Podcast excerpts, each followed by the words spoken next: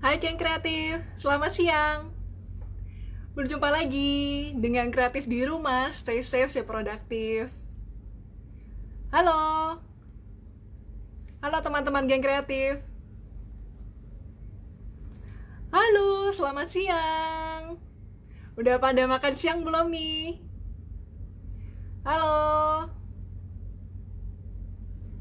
Halo, halo, halo Maharani. Halo, Wek Nyunyan. hai Kojong, hai Angga. Selamat siang semuanya, selamat bergabung di acara Kreatif di Rumah, Stay Stay, Stay Produktif. Hari ini, siang ini kita bakalan ngobrol sama praktisi uh, dan investor yang sudah sangat terkenal di Indonesia dengan Karian Filbert.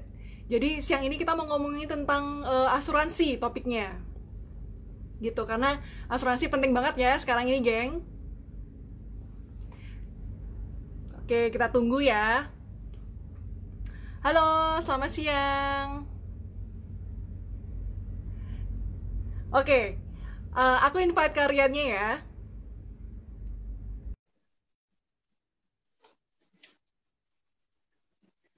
Yang kreatif tulis dong ini lagi di mana?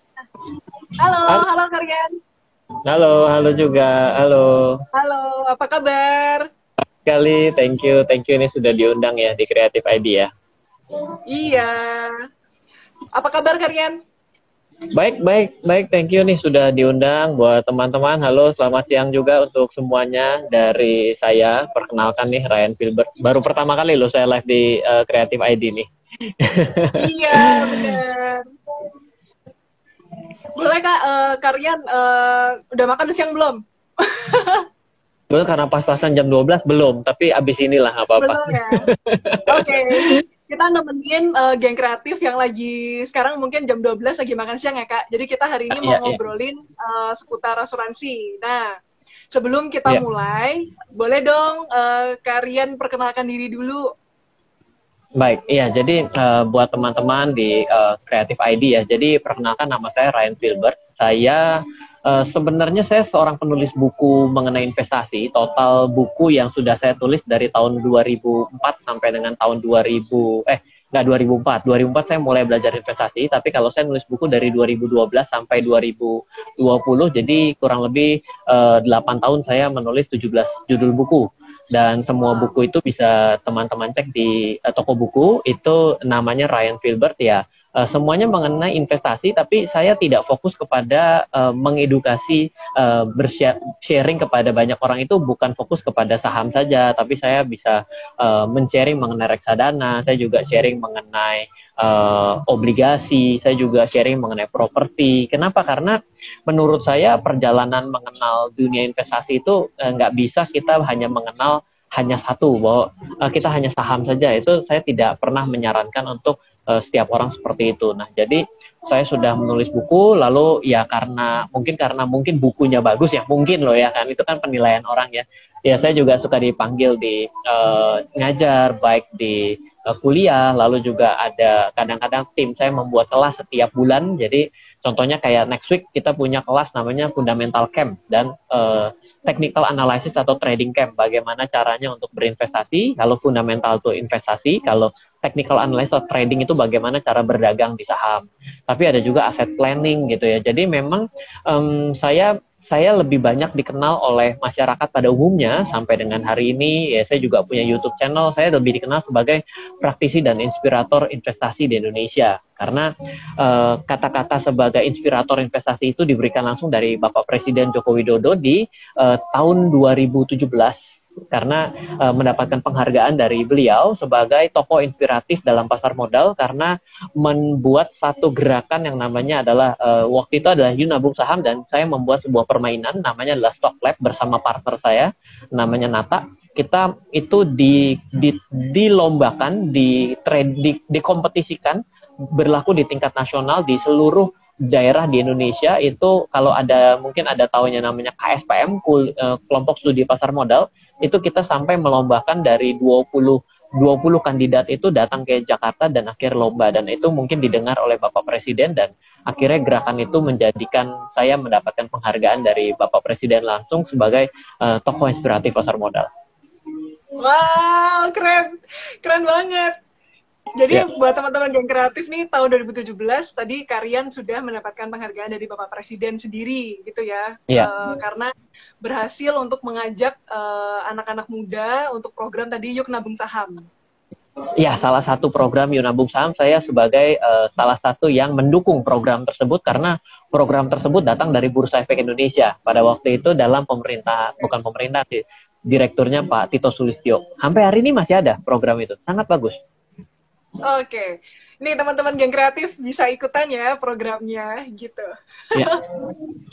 Oke, okay. Karian uh, bisa ceritain nggak perjalanan karirnya nih sebelum menjadi seperti sekarang ini tuh dulu seperti apa sih uh, perjalanan karirnya dari awal? Iya, jadi saya memang dilahirkan dari keluarga entrepreneur ya. Papa saya adalah seorang pebisnis, uh, tapi pebisnis yang mengarah kepada seorang seniman karena papa saya ini adalah uh, fotografi.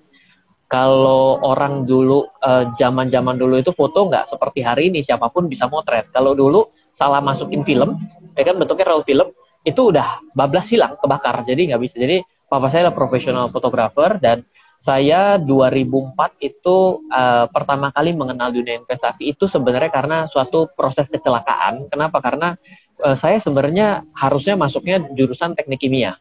Tapi karena permintaan orang tua saya, saya dipaksa untuk masuk sarjana seni rupa. Jadi saya ini adalah orang yang hari ini ada di industri pasar modal, ber, berinvestasi secara dunia keuangan, namun dengan dasar S1 saya itu adalah sarjana seni rupa dan desain DKV gitu Wah. di tahun jadi uh, karena salah jurusan itu saya lebih banyak dagang saya lebih banyak saya lebih banyak untuk mencari kesibukan di luar kampus saya kampus itu cuma kalau ada ujian, kalau ada yang uh, absen tidak bisa dititip karena sudah ketahuan si Ryan nggak pernah masuk kampus. Jadi dosennya udah tahu ini. Ini kan kalau dulu nggak pakai fingerprint tapi pakai tanda tangan. Saya ajarin teman-teman saya semua tanda tangan saya. saya ajarin semua tanda tangan ya. Saya titipin kan gitu ya. Ya kalau zaman kalau zaman zaman kuliah saya ini kan karena seniman itu hobinya nggak ngerokok tapi hobinya nyimeng.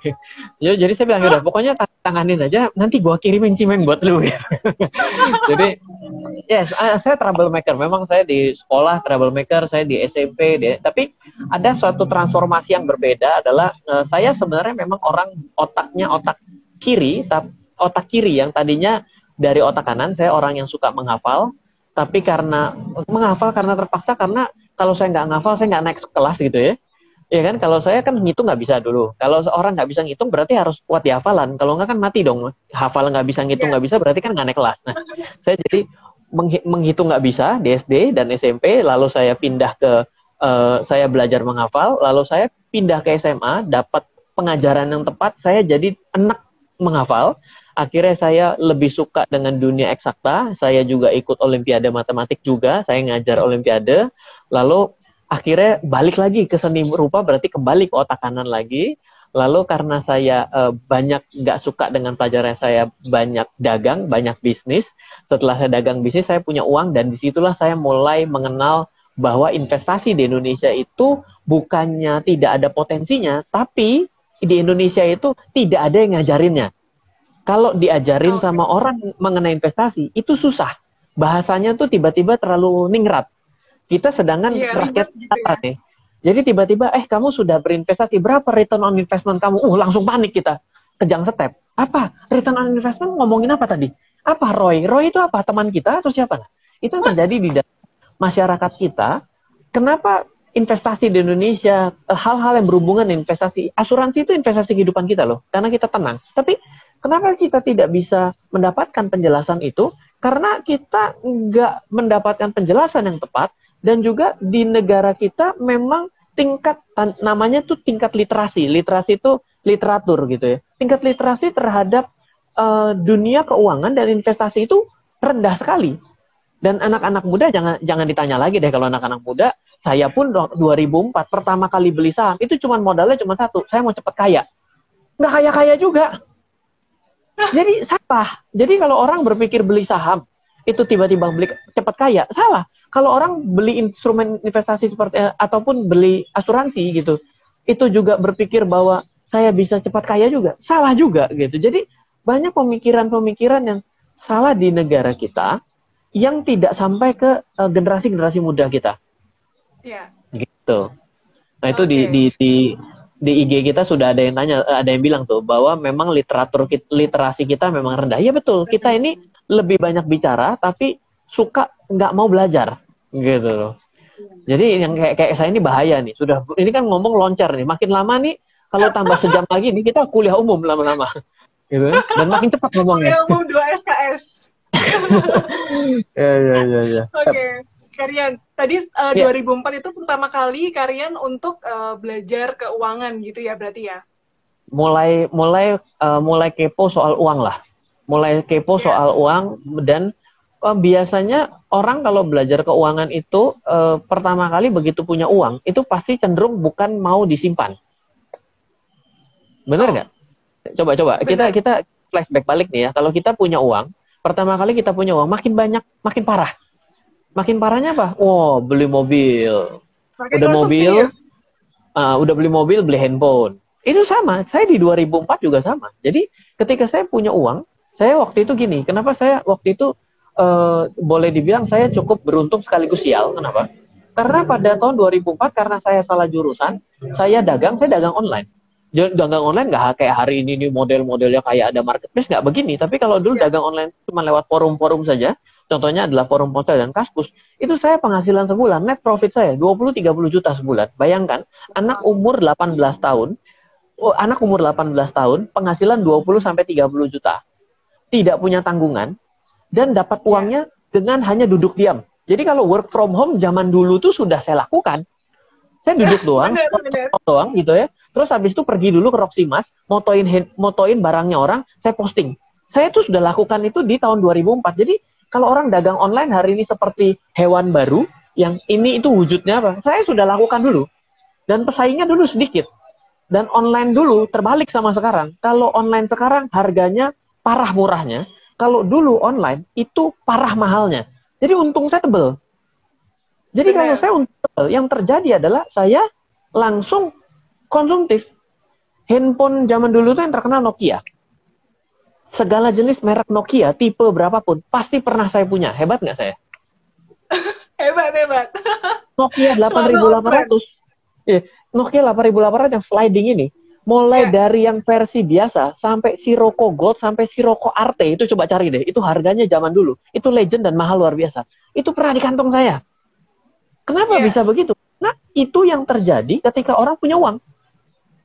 Betul. Jadi saya juga dimulai dari aliran yang salah. Tapi setelah itu saya pikir, kok kenapa saya eh, nggak uh, bisa uang kerja buat saya ya? Saya harus kerja, baru saya baru saya punya uang, tapi saya nggak pernah bisa membuat uang bekerja untuk saya. Dan kalau ngomong uang bekerja untuk kita itu kan tiba-tiba negatif kita. Ih, yeah. lu mau jualan MLM ya? Ih, lu mau jualan money game ya? Ntar lagi lu ngajakin gue jadi agen asuransi kan? Jadi kita ini langsung negatif. Padahal uang bekerja untuk kita itu sebenarnya adalah bagaimana cara mempekerjakan uang itu menjadi aset. Aset itu yang kembali uang buat kita. Itulah iya. disebut dengan terminologi dasar dari investasi. Gitu. Oke, keren. Jadi ternyata perjalanannya itu panjang ya Karyan. Jadi uh, ya. dulu pernah seperti apa, WFH juga, ternyata jualan online, kemudian setelah dapat uang ada pikiran mindset ini gimana ya supaya uangnya ini bisa bekerja lagi yeah. untuk kalian jadi yeah. uh, semakin menggulung lagi menggulung lagi gitu Iya. Yeah. nah jadi kalian uh, yeah. kan ya sorry gimana nah saya tambahin sedikit ya jadi mindset dasar yang harus kita pikirkan pada hari ini nih ketika kita sedang duduk di rumah saja tanya ke dalam diri kita kalau ini berlangsung selama satu tahun ke depan apakah anda masih tetap punya uang Bila kamu, bila Anda, bila elu, bila kalian pada saat ini sudah mulai megap-megap, kayak ikan kekurangan air, itu berarti sebenarnya tidak memiliki uang bekerja untuk Anda. Jadi di sini challenge. Kalau saya hari ini, kalau saya tidak keluar, dan saya tidak perlu memikirkan karyawan-karyawan saya, karena karyawan saya ada urusannya dengan company saya, dan bagi saya pribadi, saya sudah punya 80% atas atas pendapatan normal saya 80% dan saya tidak perlu bekerja lagi. Saya hanya perlu menghemat 20%. Jadi misalnya saya tiba-tiba eh, nggak jadi nggak beli baju gitu misalnya ya 20% itu saya sebenarnya tidak perlu keluar lagi. Saya sudah bisa tidur tiduran di rumah dengan santai itu cukup buat hidup saya. Seperti itu. Nah ini yang harus kita pikirkan dalam seri work from home kali ini. Apakah hari ini kalau tidak keluar rumah teman-teman sudah merasa megap-megap seperti ikan kekurangan air atau biasa-biasa saja? yang jadi gak biasa-biasa biasanya badan tambah gemuk kalau dalam kondisi kagak ngapa-ngapain juga. itu perlu hati-hati itu itu menghasilkan masalah baru, gak sehat. jadi berat badannya malah nambah gitu. Oke, okay, ya. keren. Keren banget ya. kalian. Ya. Jadi uh, buat teman-teman geng kreatif, ini topik ini uh, kita kali ini sesinya memang sangat penting. Jadi seputar masih seputar keuangan. Uh, ya. Kita kan berhubungan dengan uh, sekarang kan banyak uh, orang yang memang khawatir gitu ya kak apalagi dengan pandemi corona ini. Nah yes. uh, banyak yang kemarin nanya sama kita bahwa kak gimana dengan asuransi gitu? Uh, eh, yeah. apakah asuransi itu penting sekarang ini? Iya. Asuransi pada hari ini menjadi tidak penting kalau sudah kejadian. Okay. saya katakan saya dikatakan dengan sangat kasar ya. Mohon maaf ya. Saya memang alirannya pukulannya pukulan langsung. Jadi nggak ada nggak ada aliran bertele-tele. Tapi saya katakan bahwa kalau hari ini anda beli asuransi, kamu beli asuransi untuk menyelesaikan penyakit yang kamu hari ini alami, itu namanya it's too late. Mm. Oke. Okay? Tapi kalau ternyata kamu belum sakit, kalau ternyata kamu tahu, ih ternyata asuransi itu perlu ya, ngeri juga nggak punya asuransi, wah harus punya. Nah itu belum terlambat. Kenapa? Karena yang namanya dasar daripada asuransi itu adalah seperti menyiapkan payung sebelum hujan terjadi. Bisa jadi tidak hujan. Bisa jadi hujannya lebih deras daripada payung yang kita miliki. Ini masalah pengalaman untuk memilih payung beda nih kan. Nah, jadi berbicara mengenai asuransi, kalau hari ini teman-teman berpikir, ih ternyata saya nggak punya asuransi, kalau saya sakit saya bahaya juga. Berarti ternyata selamat. Teman-teman sudah satu step awareness bahwa ih saya sadar loh bahwa saya perlu asuransi itu sudah bagus. Jadi hari ini juga pergilah mencari asuransi apa yang harus teman-teman miliki. Ya, jadi okay. asuransi itu ada banyak. Jadi berbicara mengenai ini bicara mengenai pertama kali kesadaran. Jadi kalau orang itu tidak akan bisa diselamatkan selama belum sadar. Jadi kalau ya, betul, iya betul. Uh, uh, jadi saya itu percuma sebenarnya. Saya ini adalah cum, uh, kenapa kayak saya bikin kayak coba ya contohnya ini curhat sakit hati. Di kalau di dunia di kelas internasional uh, dengan subscriber hampir 100 ribu untuk YouTube channel itu viewersnya itu sudah ratusan ribu untuk investasi. Yeah. Di Indonesia kelas seperti saya YouTube channel itu 100 ribu subscriber itu yang nonton nggak nyampe 10 ribu 20 ribu. Kenapa? Karena tingkat kesadarannya rendah. Tapi saya selalu bilang ke tim saya bahwa memang harus ada orang Indonesia yang mau men terus-menerus menginformasikan mengenai hal ini. Bila orang lain nggak ada yang mau, saya ini dasarnya guru. Jadi kakek saya guru, saya itu sudah kadung sumpah sama saya kadung sumpah sama salah satu guru saya yang sudah meninggal mau mengajar. Hari ini mungkin emang saya harus nyelesain sumpah saya.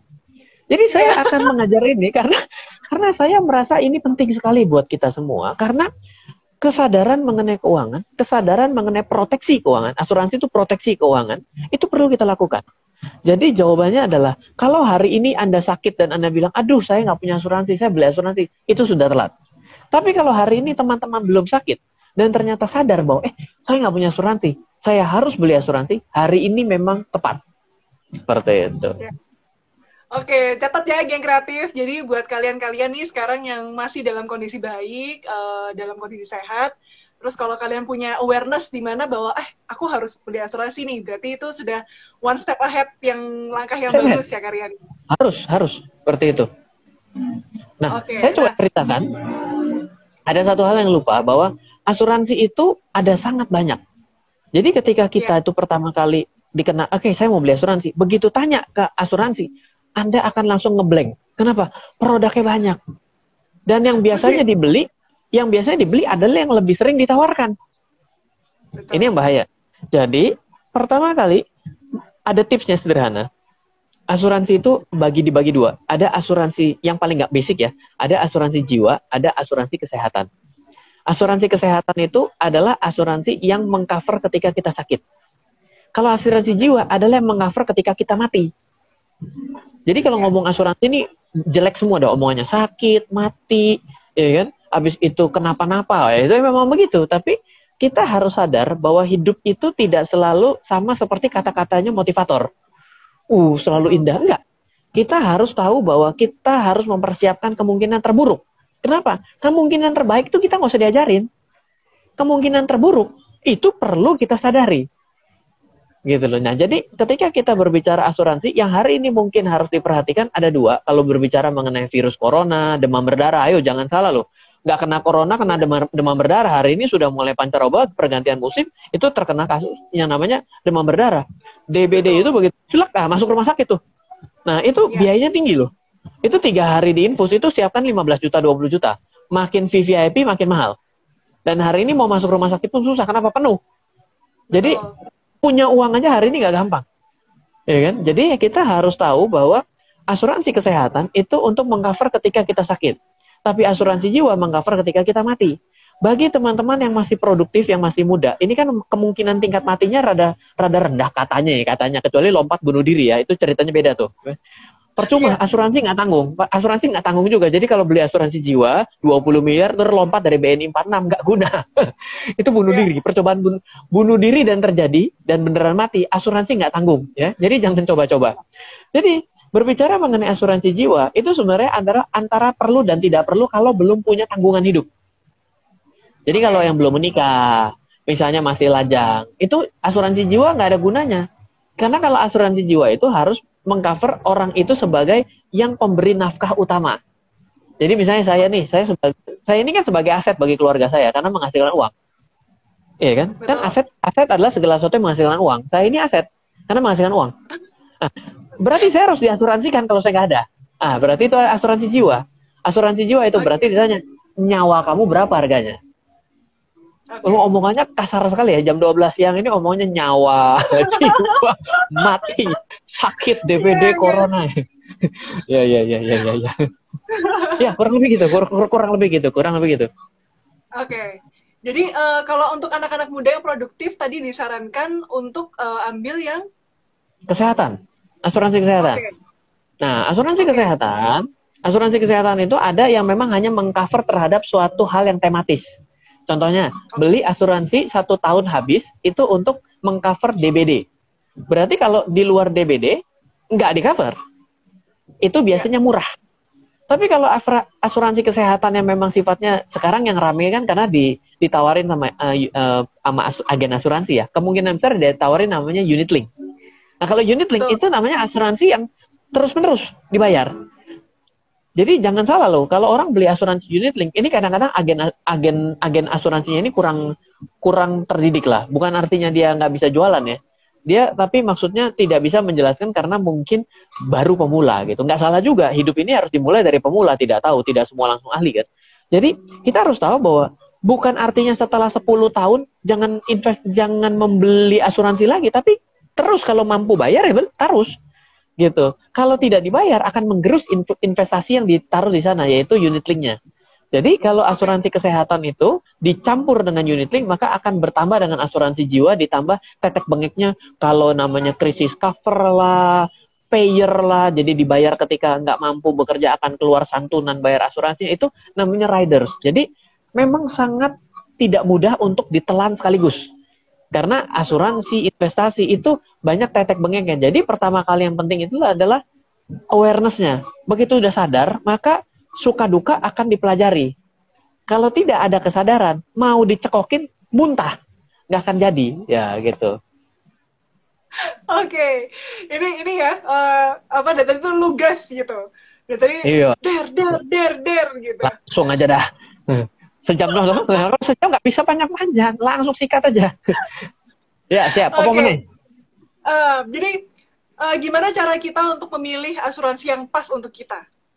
Oke, okay, jadi gini, jangan beli asuransi karena ditawarin, tapi asuransi dibeli karena kebutuhan. Jadi jangan bilang, ih kalau ada agennya calon pacar, calon menantu, eh beli asuransi. Ya ini mah agen. Dia dapat komisi. Jadi harus tahu apa yang kita butuh. Contoh kayak saya, saya ini kan uh, hanya karena Maret April ini saja ya, uh, jadi nggak sering flight ya. Kalau nggak kan saya sering flight. Ini flight bukan karena karena dibayarin ada ada yang undang seminar gitu. Kalau bayar sendiri mau mati juga bayar mahal gitu. Itu kita pergi ke sana, pergi nah, itu ada namanya asuransi khusus namanya traveling, insurance for traveling. Nah, insurance for traveling itu adalah baggage hilang, ada keterlambatan, ada kalau uh, kecelakaan, itu di cover lebih tinggi. Nah, saya punya asuransi traveling. Tapi kalau orang nggak pernah asuransi travel, nggak pernah traveling, nggak perlu punya asuransi traveling. Nah, itu artinya membeli asuransi sesuai dengan kebutuhan. Jadi kalau dia mau beli asuransi, dia harus sadar dulu bahwa asuransi yang dibeli ini harus sesuai dengan apa yang dia perlukan. Asuransi yang diperlukan itu biasanya pada umumnya orang adalah kesehatan dan jiwa. Yang lainnya itu adalah tambahan. But, harus sering mau membaca. Kalau nggak membaca, susah. Gitu. Oke. Okay itu ya geng kreatif jadi catat jadi uh, untuk yang kita harus memilih sesuai dengan kebutuhan kita masing-masing kalau hmm. misalnya hmm. memang tidak traveling apalagi sekarang misalnya memang tidak bisa traveling ya kita tidak iya. perlu ambil asuransi tersebut gitu betul jadi tadi prioritas utamanya di asuransi kesehatan dulu kemudian kalau yeah. kalian adalah uh, kepala keluarga atau yang sudah memiliki tanggungan kemudian kalian bisa uh, berpikir untuk menambah asuransi asuransi jiwa betul jiwa jiwa betul oh, Oke, nah sekarang kita ngomongin masalah duitnya nih, Karyan. Jadi kalau misalnya okay. kita mau mulai asuransi, kita mau mulai, eh aku mau ah uh, uh, bulan ini aku mau daftar ah, asuransi, itu alokasi dana berapa yang harus kita uh, keluarkan untuk beri, uh, untuk mulai berasuransi? Oke, jadi gini, asuransi itu kan namanya uh, asuransi perusahaan asuransi adalah perusahaan paling berbeda dari perusahaan lain. Kalau perusahaan lain itu menghindari risiko, perusahaan asuransi itu membeli resiko kita. Jadi, ya. resiko yang dibeli semakin kita tua, semakin beresiko, maka bayaran akan semakin mahal. Tapi semakin kita membeli secara berkala, dimulai dari semakin muda, maka dia menganggap kita semakin loyal. Sehingga premi asuransi yang dibayar itu lebih rendah. Jadi kita kalau dimulai dari lebih muda, itu lebih untung. Kenapa? Karena di masa yang akan datang, perhitungan premi asuransi kita akan lebih murah dibandingkan yang baru saja bergabung. Karena dianggap, ih, member saya nih yang udah lama nih, gitu. Nah, jadi kalau ditanyakan berapa preminya yang harus dianggarkan, saya nggak bisa jawab. Kenapa? Berbeda orang yang mau bayar kamar rumah sakit VVIP sama yang bayar kamar rumah sakit kelas 3. Nah, okay. jadi kita harus bisa bedakan. Tapi kalau mau di mau dihitung-hitung, kita harus kembali ke dalam perencanaan keuangan. Perencanaan keuangan itu kan uang 100% pendapatan kita. 100% pendapatan kita itu harus kita atur adalah 50% sebagai konsumtif, 50% untuk masa depan. Nah, 50% yang konsumtif ini sudah harus masuk di asuransi di sini. Jadi bukan okay. masuk dalam investasi. Orang banyak salah. Orang bilang, Pak, kalau uh, Mas Ryan, Kak Ryan, berarti harusnya kan ini investasi nih untuk kesehatan. Berarti saya masukkan ke dalam 50% untuk yang investasi saya. Uh, salah. Kenapa? Karena untuk yang masa depan ini hanya sebagian kecil dari asuransi. Contohnya unit link. Lainnya itu, asuransi itu biaya. Satu tahun habis. Jadi kalau yeah. Anda bayar polis asuransi asuransi jiwa, kalau tahun depan Anda nggak mati, Anda tahun depannya lagi udah nggak bisa, udah nggak ditanggung. Kasarnya tuh gitu. Ah berarti itu biaya. Sesuatu yang habis dipakai dalam satu tahun ataupun satu bulan, maka itu disebut dengan biaya. Contohnya kuota atau pulsa listrik ataupun air. Eh, kan kalau sudah satu satu bulan harus bayar selesai karena sudah dipakai. Itulah disebut dengan biaya. Makanya disebut dengan biaya asuransi, bukan investasi asuransi. Gitu. Jadi angka ya. tidak pasti. Gitu. Oke. Uh, jadi tadi kita sesuaikan masing-masing dengan kemampuan kita masing-masing. Untuk jumlah yeah. nominalnya tadi bisa dilihat uh, dari persentasenya 50% itu untuk investasi, 50% untuk kita uh, konsumsi yang tadi ya. Any uh, cost, at any cost, ya, any apa pun cost. cost kita hari ini. Cost kita hari ini okay. ya habis di 50%. Kalau yang hebat itu lebih kecil dari 50% untuk hari ini. Okay. Jadi semakin kecil untuk biaya hidup kita itu semakin hebat. Kalau perlu 0%. Jadi setiap hari tuh numpang makan di rumah orang, jadi nol biayanya. Tapi nanti nggak punya teman ya. Oke. Okay ah, ini ada ada selingan dikit intermezzo ya biar biar gak tegang gitu. Ya kita ngomongnya duit, okay. duit itu kan sensitif katanya. Oke. Okay. Nah, Karya tadi kan dibilang bahwa uh, asuransi itu bukan investasi, asuransi itu biaya. Berarti kita tidak bisa berinvestasi melalui asuransi. Eh, Oke, okay. jadi gini, uh, berbicara meng, uh, berbicara, oke, okay, saya saya nggak bisa jelaskan secara langsung karena saya takut teman-teman yang pemula sekali. Jadi gini, pada tahun 90-an orang mengenal investasi, mengenal asuransi itu uh, boleh dibilang orang ngeri untuk asuransi. Sama kayak papa saya. Papa saya itu kalau dia bilang, eh beli asuransi, uh dia marah. Lu nyumpain gue cepet mati ya? Enggak, dia dia dia pikir kalau orang beli asuransi bentar lagi mati. Ini wajar loh, banyak yang berpikir gitu karena kan omongannya selalu jelek kan. Kalau nanti Betul. bapak mati, kalau nanti bapak sakit, lu nyumpain gue mati kan gitu coba. Itu logis gitu. Nah, tahun yeah. 90-an itu edukasi mengenai asuransi itu sedemikian rendahnya. Dan pada saat itu ketika orang banyak beli asuransi, ternyata terjadi gagal bayar yang masif karena krisis tahun 98. Betul. Sehingga citra asuransi itu buruk. Ih nggak dibayar, sudah saya sakit saya nggak dibayar loh. Jadi orang hilang kepercayaan. Oleh karena itulah orang asuransi, perusahaan asuransi mengkombinasikan asuransi dengan investasi. Digabung yeah. menjadi satu, jadi sebuah produk baru namanya asuransi berbasis unit link. Sehingga X persen ketika orang itu investasi, X ketika orang itu membeli asuransi, sebagian itu diinvestasikan. Jadi ketika hari ini dijual kepada masyarakat dengan agen yang begitu masif di Indonesia, agen asuransi banyak sekali, agen sangat masif. Jadi orang itu, eh kamu jangan khawatir, kamu tuh investasi loh. Ini seperti di blending.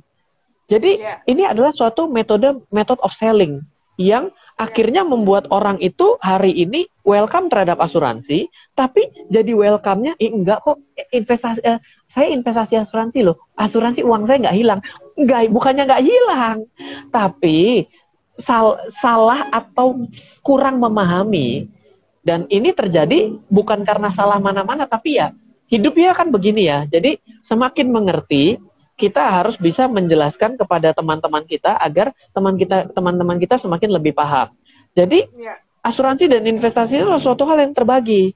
Tapi memang ada satu asuransi yang tergabung menjadi investasi itu namanya asuransi unit link atau ada namanya asuransi tabungan. Asuransi tabungan itu seperti tabungan dana pendidikan. Itu sebenarnya asuransi, produk asuransi gitu atau tabungan masa depan, tabungan pensiun itu sebenarnya adalah produk asuransi yang disebut dengan endowment fund atau disebut uh, bisa uh, ada pension plan, ada endowment fund. Itu memang pekerjaan orang uh, orang insurance untuk mengolah hal tersebut. Tapi dasarnya adalah yang pemula ini jangan nanti jadi salah.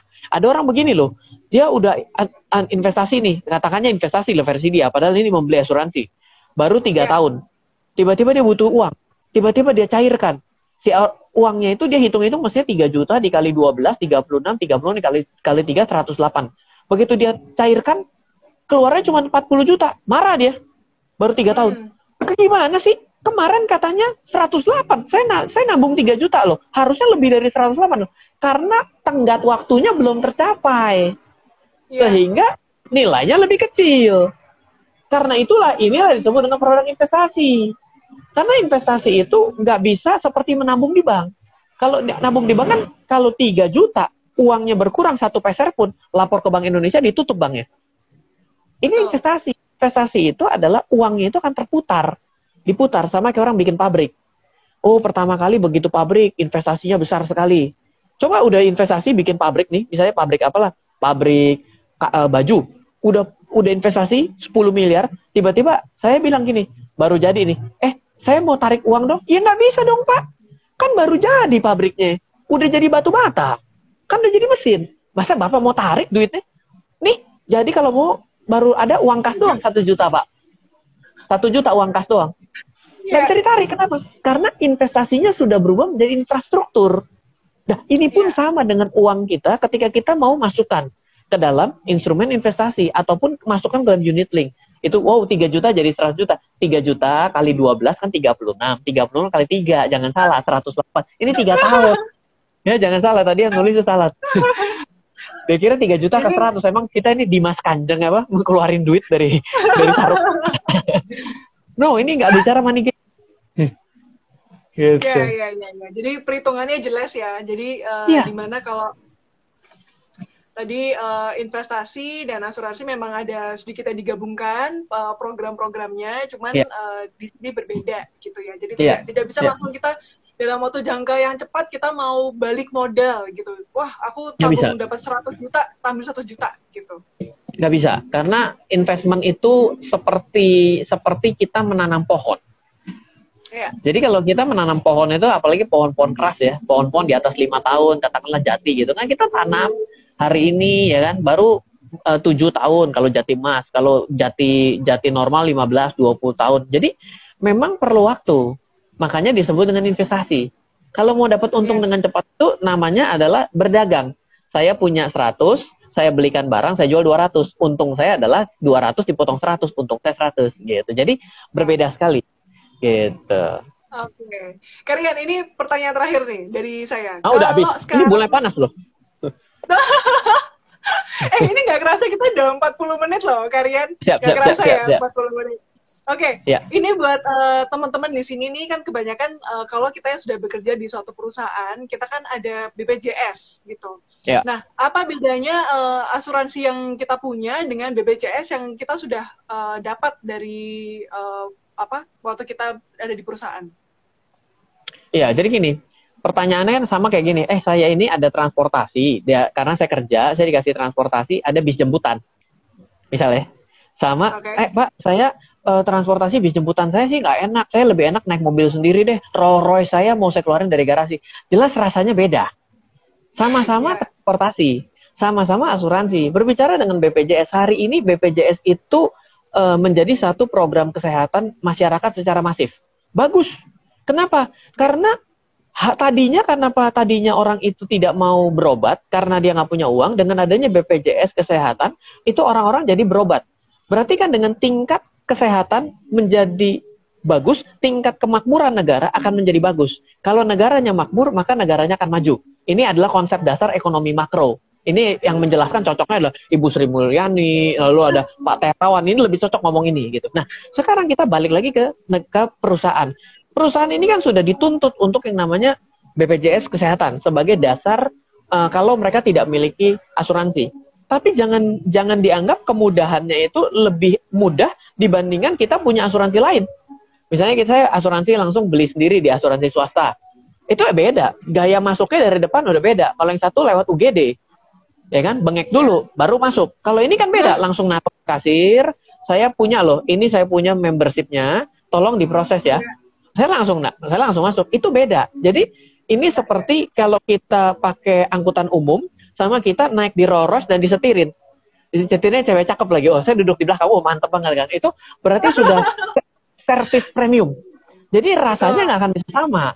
Jadi kalau misalnya sudah punya BPJS Kesehatan dan ternyata merasa kurang, dan karena masalah layanannya yang belum sesuai dengan ekspektasi kita, ya kita harus tambah dengan asuransi pribadi, asuransi mandiri. Kira-kira gitu. Okay. Oke, okay, keren. Oke, okay, jadi buat teman-teman nih tadi yang pada nanya, jadi ini sebenarnya pertanyaan geng kreatif kalian kan kita kemarin ada buka kolom pertanyaan ya. Jadi memang kebanyakan yeah. dari kita tuh sekarang sudah punya BPJS, tapi apakah yeah. uh, memang kita harus mempunyai uh, tadi asuransi sendiri gitu. Nah tadi Karya juga sudah jelaskan bahwa sama-sama nih layanannya asuransi, cuman mungkin uh, tingkat ini ya tingkat kepuasan yang kita dapatkan dari BPJS dan asuransi pribadi yang kita pasti beda, pasti beda pasti beda. Yang namanya sesuatu yang kita bayar lebih mahal, kita pasti akan merasakan manfaat dan benefit serta pelayanan yang lebih tinggi. Nggak akan pernah kita bisa lari, karena uang itu adalah ukuran dari tingkat pelayanan. Makin mahal kita bayar, maka makin premium kita dapat. Tinggal di hotel bintang 5 plus berlian 2, ditambah ditinggal di hotel bintang 1, rasanya beda. Gitu. Betul. Kenapa? Karena kita membayar atas service additionalnya, atas dia menjaga mutunya. Jadi kita nggak bisa lari dari hal seperti itu. Oke. Okay, ini ini you. dari tadi ini pertanyaan ini nggak banyak nanya ke saya, nanya nama kamu loh. Wah ini bahaya nih pembicaranya nggak laku ini. Nggak, nggak, ini ini laku banget. Ini topik oh, yang siap, lagi hot-hotnya ini, Siap, siap, siap, okay. siap, siap. Paling ini ya. uh, terakhir dari Karya Fiber tadi sebagai yang inspirator. Uh, ya, ya, gimana ya. ini untuk anak-anak muda Indonesia, uh, geng kreatif yang ada di sini, uh, hmm. dalam selama periode ini, gimana tips-tipsnya supaya kita bisa survive? Ya, baik ini. Um, jadi pertama dalam kondisi pada hari ini adalah suatu ujian buat kita dan sekaligus refleksi bagi diri kita. Apakah kita punya ketahanan dalam finansial? Jadi uh, ya. kita perlu mengukur ketahanan finansial kita. Kalau pada hari ini ternyata teman-teman dalam kondisi yang tidak tahan, berarti teman-teman tidak bi uh, belum bisa memiliki uh, struktur dalam keuangan yang sehari-hari dengan baik. Ya, itu sudah saatnya untuk ditata. Ya, tinggal siap-siap untuk krisis selanjutnya. Tapi kalau misalnya pada hari ini ternyata sudah cukup baik ya, bagaimana caranya untuk bisa lebih baik lagi? Artinya pada hari ini yang perlu kita perhatikan, janganlah serakah, tapi harus bisa terus menjaga cash flow. Karena aset itu nggak guna, yang penting adalah cash flow. Kalau tidak punya cash flow, aset segede apa pun, itu seperti gajah tapi nggak makan. Mau gajah segede apa pun, dinosaurus segede apa pun, punah akan waktunya karena tidak makan. Oleh karena itulah harus ada makanannya. Makanan itu kalau dalam uang disebut dengan cash flow. Bukan pegang cash, tapi harus ada cash flow yang bagus. Nah, saya juga dalam kesempatan ini saya mau bagi-bagi kepada teman-teman semua, mungkin uh, apa edukasi seperti ini belum bisa disampaikan hanya dalam waktu 40 atau satu jam. Saya ada satu e-book bagus yang judulnya adalah uh, The Secret Property Investment. Ini adalah buat teman-teman anak-anak muda yang pada hari ini uh, suku bunga sedang turun dan berpikir, ih saya punya masa depan perlu properti loh, saya mau mau beli atau tidak. Nah ini adalah salah satu buku yang bagus. Saya saya punya e-book eh, e judulnya The Secret Property Investment. Dan juga saya mau kasih untuk belajar mengenal investasi dan keuangan untuk 30 hari. Itu sudah dalam bentuk satu modul. Itu teman-teman boleh akses di website saya. Itu namanya adalah www.kaya k a y a dengan dengannya DGN disingkat kaya dgnsehat.com. Nanti silakan masukkan nama email dan nomor handphone, nanti akan terkirim secara otomatis bukunya sama pelatihan selama 30 hari. Saya kasih gratis buat teman-teman semua. Silakan. Gratis. Hore. Ini bonus ya Karian, thank you, yeah. thank you so yeah, much yeah. gitu. Jadi Iya, yeah, sama-sama. Uh, nanti geng geng gratis silahkan tadi kaya hmm. DGN, dengan sehat sehat dot com. Oke. Okay. Kaya dgn ya, sehat.com. Yes, itu silahkan udah ditulis dicatat. oleh Mas Irfan. Thank you Mas Irfan okay. udah ditulisin. Ya, Thank you so much Karian untuk yes, sesi sama -sama. hari ini. Ya, ini sangat berguna gitu. Sangat uh, sangat ber apa menginspirasi anak-anak muda Indonesia. Iya, iya, sama-sama. Ya. Dadah. Next time, next time kita kelap lagi ya, Mas. Oh, siap. Oke, okay, siap. Ya. Oke. Okay. Thank you. Bye. Bye. Oke, okay, geng. Itu tadi kita sesinya saya dengan Karian Filbert uh, gimana? Bagus kan? Uh, topik asuransi kita hari ini hot gitu ya siang-siang ini. Nah, nanti kita jam 8 malam kita mau live sama Leo Draginting, uh, pemenang Indonesian Idol tahun 2020. Jangan sampai kelewatan ya, geng. Bye. Kreatif di rumah, stay safe, stay produktif. Bye-bye.